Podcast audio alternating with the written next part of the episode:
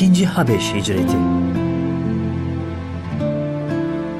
Habeşistan'a hicret eden ilk kafilenin hükümdar Necaşi tarafından iyi karşılanması üzerine Peygamberimiz müşriklerin baskılarına maruz kalan Müslümanlardan ikinci bir kafileyi daha Habeş ülkesine gönderdi.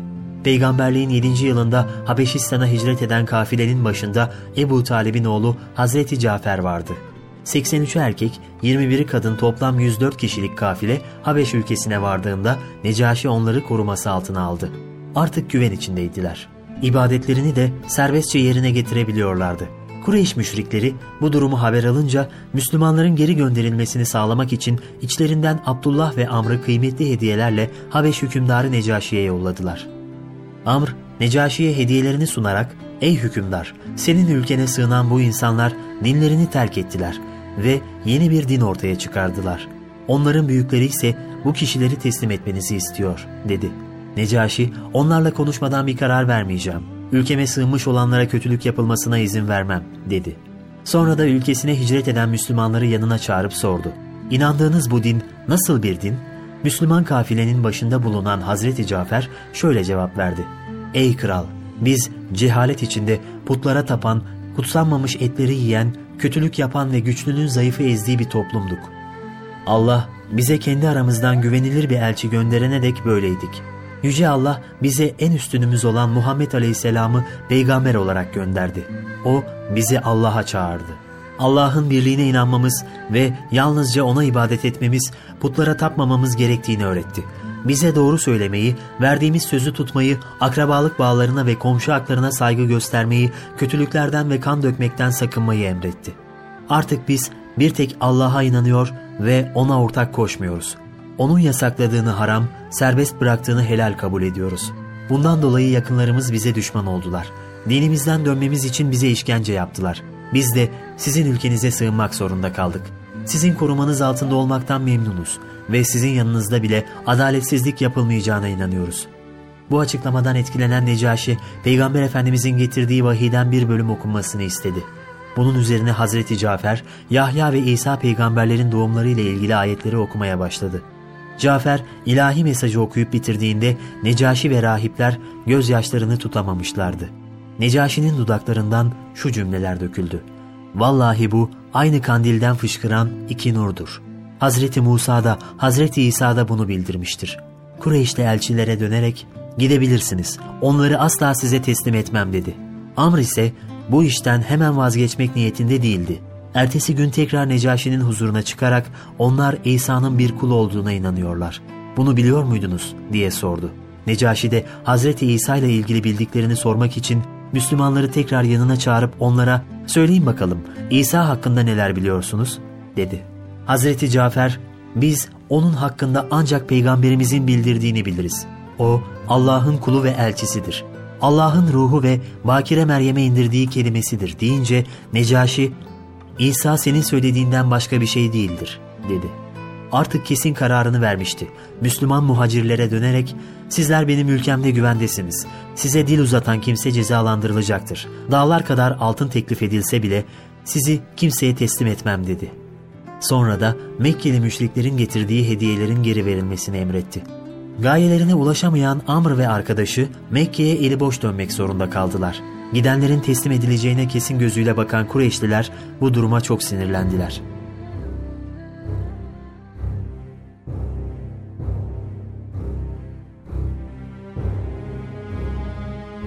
Boykot yılları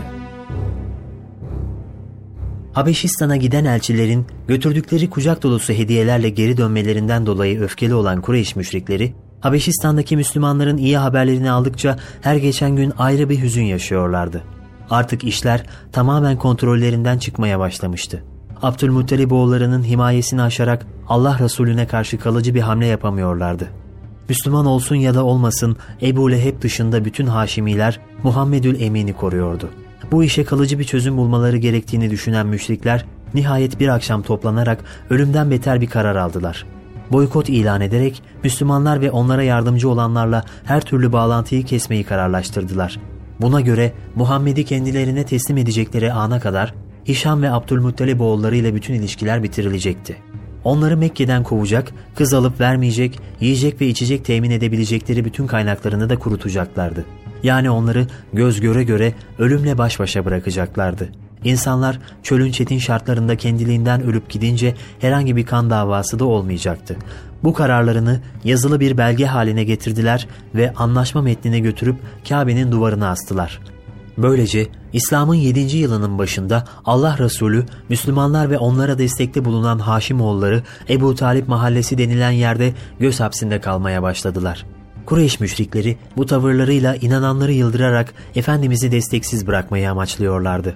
Ancak Müslümanlar ve Ebu Talib'in idaresindeki Haşimoğulları her türlü sıkıntıya katlanarak Peygamberimizin etrafından ayrılmamaya kararlıydı. Efendimizin amcalarından Ebu Leheb ise akrabalarının ölümüne bile göz yumarak müşriklerle beraber olmaktan çekinmedi. Üç sene süren bu zorlu dönemde inananlar ve dostları çok sıkıntı çektiler. Çoğu zaman aç ve susuzdular. Ağaç yapraklarını, deri parçalarını yiyecek kadar çaresiz kaldıkları bile oldu. Küçük çocukların açlıktan feryat edişleri ise dayanılır gibi değildi.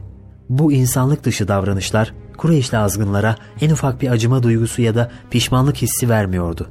Hatta Mekke'ye gelen kervanların mallarına en pahalı fiyatları vererek Müslümanların kervanlardan herhangi bir şey almalarını bile engelliyorlardı. Onlara gizlice yardım etmek isteyenleri de ağır cezalara çarptırıyorlardı.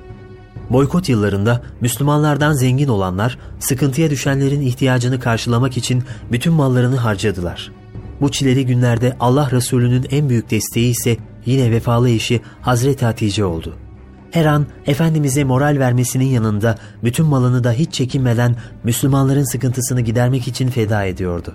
Hazreti Hatice'nin bu fedakarlığı bütün mallarını bu yolda harcayıncaya kadar devam etti. Bu davranışlarıyla çevresindeki Müslümanlara örnek teşkil etmiş pek çok kişinin kalbinin İslam'a ısınmasına vesile olmuştu.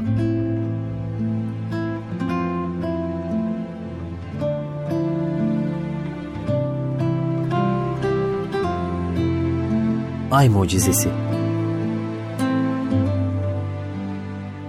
Peygamberliğin 9. yılına gelinmişti. Müslümanlara uygulanan boykot hala devam etmekteydi. Müşriklerin planlarının aksine Müslümanların maruz kaldığı sıkıntılar İslam'ın daha fazla duyulmasına ve yayılmasına sebep olmuştu. Olan bitene engel olamamaktan dolayı iyice hırslanan Kureyş müşriklerinden bazıları Efendimiz Aleyhisselam'dan şöyle bir istekte bulundular. Sen gerçekten peygambersen bu mehtaplı gecede ayı ikiye ayır. Öyle ki yarısı Ebu Kubeys, yarısı da Kuvaykan Dağı üzerinde görülsün. Bu istek üzerine Allah Resulü sordu. Eğer bunu yaparsam iman edecek misiniz? Onlar da evet iman ederiz dediler. O zaman Peygamber Efendimiz Allah Teala'ya uzun uzun dua etti. Duasını bitirdikten sonra sağ elini kaldırdı ve sağ işaret parmağıyla ayın üzerine çizgi çekti. Allah Resulü'nün bu hareketinden sonra ayın yarısı Ebu Kubeys, yarısı da Kuvaykan Dağı üzerindeydi. Kainatın efendisi etrafındakilere döndü ve şahit olunuz buyurdu. Fakat böyle bir mucize karşısında bile müşriklerin bir kısmı Muhammed bize büyü yaptı dediler. Bir kısmı da Muhammed bize büyü yaptıysa bütün insanlara da yapamaz ya. Başka yerlerden Mekke'ye gelenlere sorun bakalım. Bunu onlar da görmüşler mi? Eğer görmüşlerse bu hadise doğru demektir. Görmemişlerse işin içinde büyü vardır dediler. Sabah olunca Mekke'ye gelenlere soruldu. Hepsi de ayın ikiye bölünmüş olduğunu gördüklerini söyledi. Fakat müşrikler bu apaçık mucize karşısında bile inanmak istemediler.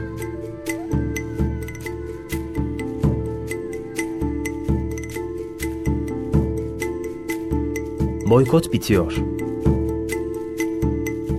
Boykotun devam ettiği 3 sene içerisinde ayın yarılması gibi pek çok mucize meydana geldi ve bu mucizelere şahit olan birçok kişi İslam'ı seçti. Boykot metnini yazan Mansur'un ise elleri kurudu. Bu süre içinde gerçekleşen son mucize ise Kabe'nin içinde asılı duran boykot metnini bir ağaç kurdunun yemesi oldu. Ağaç kurdu kağıtta Bismike Allahümme senin isminle başlarım ey Allah'ım cümlesi dışında bir şey bırakmamıştı. Yüce Allah bu mucizeyi peygamberimize bildirince o da durumu amcası Ebu Talib'e anlattı. Ebu Talip, ey kardeşimin oğlu gerçekten öyle mi diye sordu. Peygamberimiz de evet amca vallahi gerçektir dedi. Bunun üzerine Ebu Talip hemen Kabe'ye gidip müşriklere Kureyşliler Yeğenimin söylediğine göre sizin yazmış olduğunuz kağıdı bir ağaç kurdu yemiş. Kağıtta sadece Allah'ın isminin anıldığı kısım kalmış. Hadi gidip sayfayı getirin. Yeğenim doğru söylemişse onu size asla teslim etmeyeceğiz. Artık siz de boykottan vazgeçin. Dediği doğru çıkmazsa onu size teslim ederim, dedi. Müşrikler Ebu Talib'in bu kesin ifadeleri karşısında tamam bunu kabul ettik deyip sayfayı getirmek için bir adam gönderdiler. Durum ibret vericiydi. Gerçekten de Allah'ın isminden başka her şey ağaç kurdu tarafından yenilmişti. Artık müşriklerin söyleyecek bir şeyleri kalmamıştı. Ebu Talip bundan cesaret alarak onları azarladı. Herhalde kimin haksızlık ettiği ortaya çıktı değil mi? Müşriklerden hiçbiri Ebu Talib'e cevap veremedi. Birbirlerini kınadılar. Bu kardeşlerimize yaptığımız bir zulümmüş diyerek boykotu kaldırmak zorunda kaldılar. Artık çile dolu üç yıl bitmişti. Müslümanlar bu büyük sıkıntıdan kurtuldukları için Allah'a şükrettiler. Mekke'de bayram havası yaşandı. Herkes evine, eşine, dostuna, akrabasına kavuşmuştu. Boykotun kalkmasının ardından Habeşistan'dan 20 kadar Hristiyan Mekke'ye geldi. Bunlar Habeşistan'a hicret etmiş olan Müslümanlardan İslamiyet hakkında duyduklarını araştırmak için gelmişlerdi. Kabe'nin yanında Peygamber Efendimizle görüşen bu Hristiyan kafilesi büyük bir saygıyla Kur'an ayetlerini dinledi. Peygamberimizin sordukları her soruya verdiği cevaplar karşısında son derece memnun kaldılar. Allah Resulü'nün kendilerini İslam'a davet etmesi üzerine sevinç gözyaşları dökerek Müslüman oldular. Onların bu hallerini görerek kendilerine hakarette bulunan müşriklere hiç aldırış etmediler ve sizin bize yaptığınız cahilliği biz size yapmayız ve bize nasip olan hak dinden asla dönmeyiz dediler.''